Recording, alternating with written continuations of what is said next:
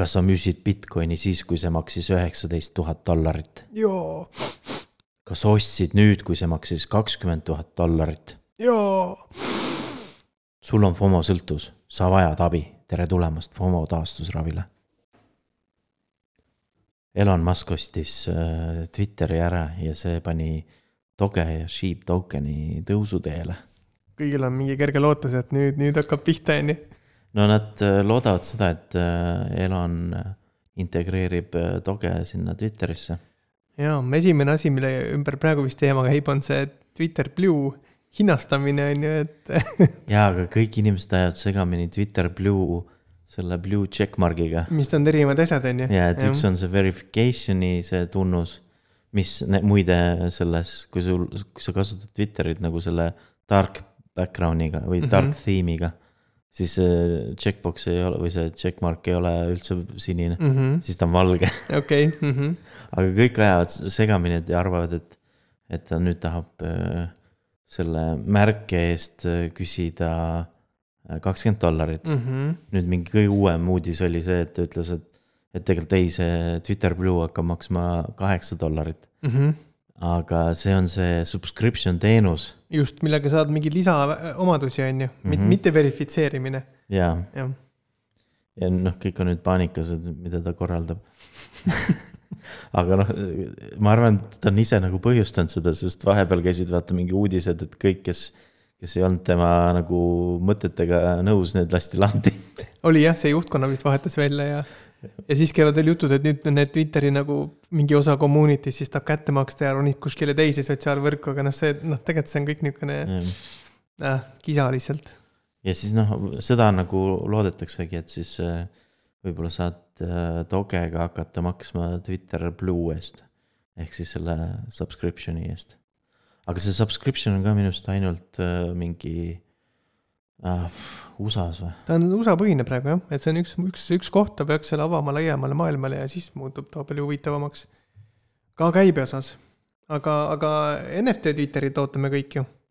ja suht samal ajal, ma ei tea, kas nagu isegi natuke varem või natuke hiljem tuli selline uudis Twitteri poolt, et nad teevad sellist integratsiooni, mille nimi on NFT Tweet Tiles mm. -hmm. Ja sisuliselt see põhimõtteliselt tähendab seda, et sa saad panna teatud NFT marketplace'ide kuulutusi üles nagu äh, oma tweet'i postitusena. nagu osta kohe lingiga põhimõtteliselt ja. siis jah mm -hmm.? ja et noh, see ostmise võimalus tuleb otse Twitterisse, et sa ei pea isegi minema sinna ja, ja, marketplace'i mm. -hmm. ja, ja Ethereumi omadest nad vist kasutasid äh, Rarible äh, marketplace'i, et mitte OpenSea'd mm. -hmm. aga lisaks, noh, kuna Twitteril juba on vaata Ethereumi tugi olemas selle Twitter Blue kasutajatele mm, -hmm. et nad saavad neid profiilipilte panna, siis, siis nüüd selle uudisega siis peaks olema need äh, ka teiste mingid võrkude need äh, NFT-d toetatud, et ei ole ainult äh, Ethereum ja ja noh, OpenSea või noh, antud juhul siis Rarible, vaid on ka mingid teised poed mm. -hmm. see tõmbab jälle selle turu käima palju suuremas skaalas, on ju, et kui siin oli hiljuti oli ka eelmises saates oli meil see Redditi nagu positiivne case on ju, siis nüüd, kui lõpuks niisugused asjad tulevad ka Twitterisse ja Instagrami, mida me oleme põgusalt juba näidanud, on ju, et siis, kui see muutub nagu päris use case'iks, et sa saadki osta ja müüa seal ja näidata seda enam ilma mingite piiranguteta, et siis ta tuleb ilmselt järgmine buum, on ju. See on huvitav, et nad on otsustanud mingi teise, teise selle marketplace'i kasuks, mitte OpenSea. veider.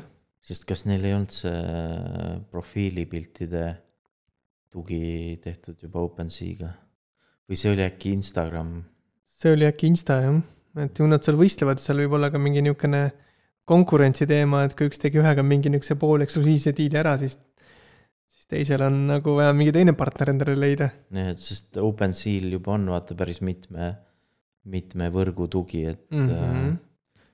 et nendel kõikidel teistel, nad peavad kõiki igat seda marketplace'i eraldi integreerima, et saada see, see ah,, aga need võib-olla ei teegi mingit äh, integratsiooni selle plokiahelaga, et sa maksad ikkagi selle NFT eest dollariga jaa, väga likely, jah.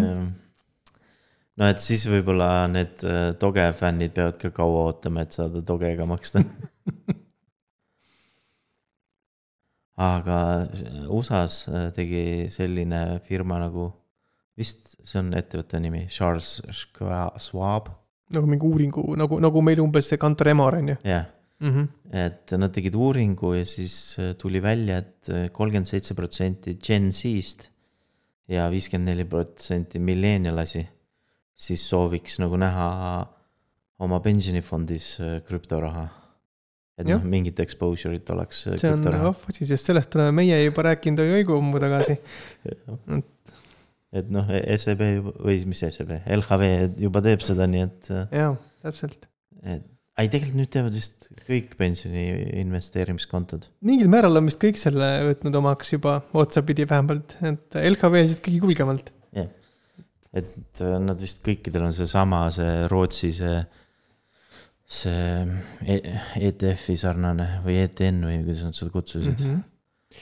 aga meil on häid uudiseid veel, et tundub, et Euroopas on äh, niisugused krüpto, krüptosõbralikud äh,, kuidas öelda siis, juhtfiguurid esile tulemas. Sest noh, alguses ei osanud isegi öelda, et mis see, mis see uudis nagu nüüd toob, et äh, Ühendkuningriikides on jälle uus äh, peaminister. aga seekord siis on äh, vähe sellise lühikese ajaga uus peami-, peaminister ja selleks on Rishi Sunak, Mm -hmm. kes on, kes oli siis Boris Johnsoni ajal oli finantsminister ja siis ta juba noh, paistis silma kui hästi äh, krüptosõbralik. ja niisugune ei ole nagu kastis, vaid vaatab pigem avatumalt neid asju, et kuhu maailm liigub ja mis on tulevikus oluline. mm. -hmm. et ta, ta minu meelest isegi üritas algatada mingit, mingit suuremat asja sellega. räägime vahepeal natuke statistikast ja antud juhul siis niisugustest liivakastimängude numbritest.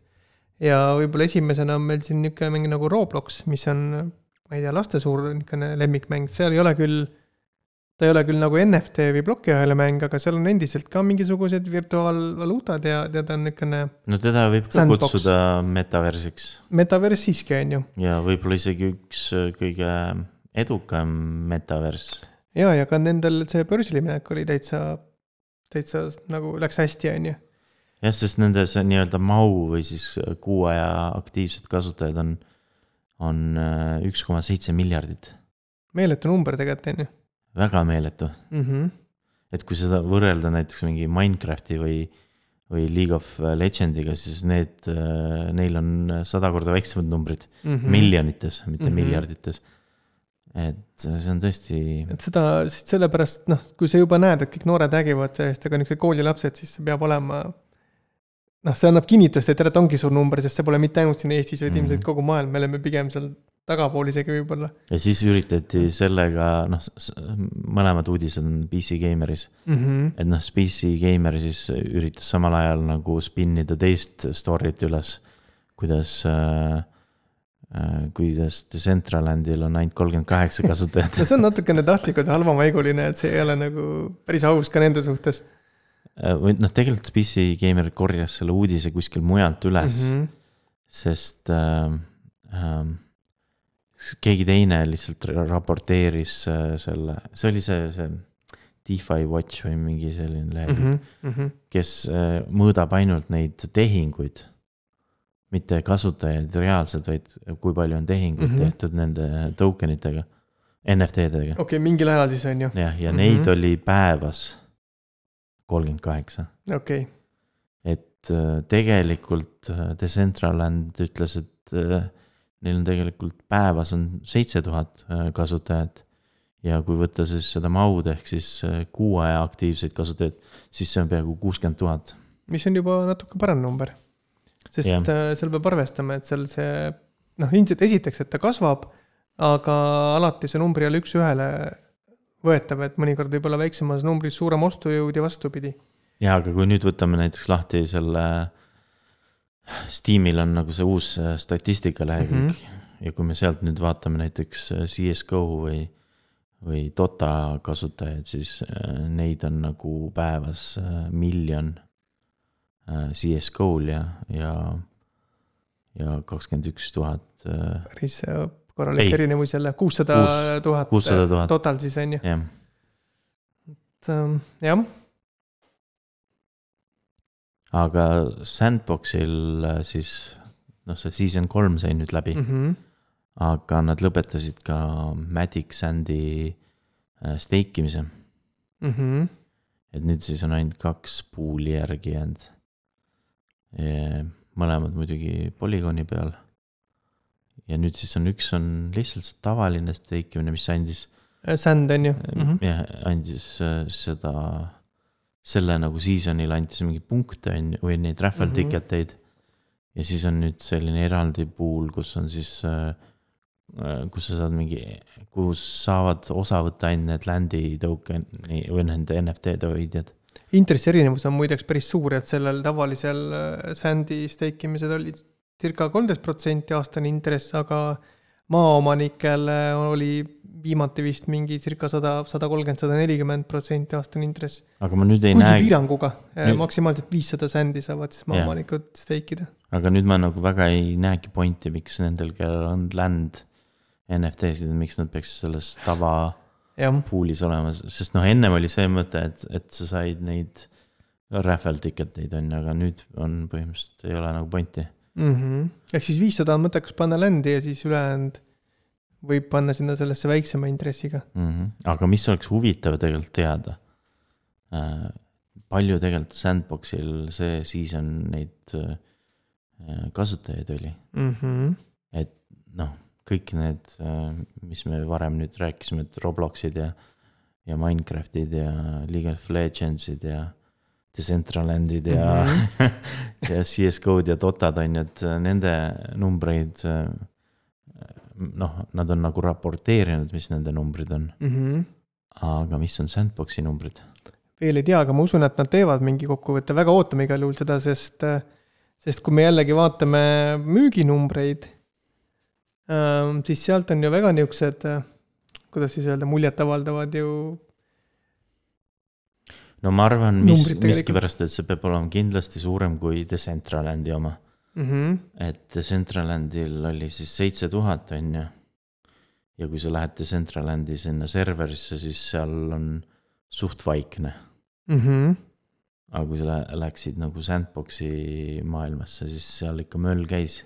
ja ainuüksi juba see edetabel nii-öelda, mis oli ju Sandboxil väga elav, et esimesed kümme tuhat kohta on põhimõtteliselt, sinna on peaaegu võimatu saada, on ju, tavamängijal. no pigem juba isegi viisteist tuhat. isegi viisteist tuhat jah, mis näitab, et vähemalt viisteist tuhat aktiivset mängijat on igal juhul, on ju.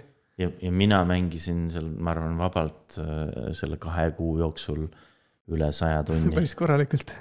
et äh, ja, ja ma ise sattusin mingi viieteistkümnendale tuhandele kohale.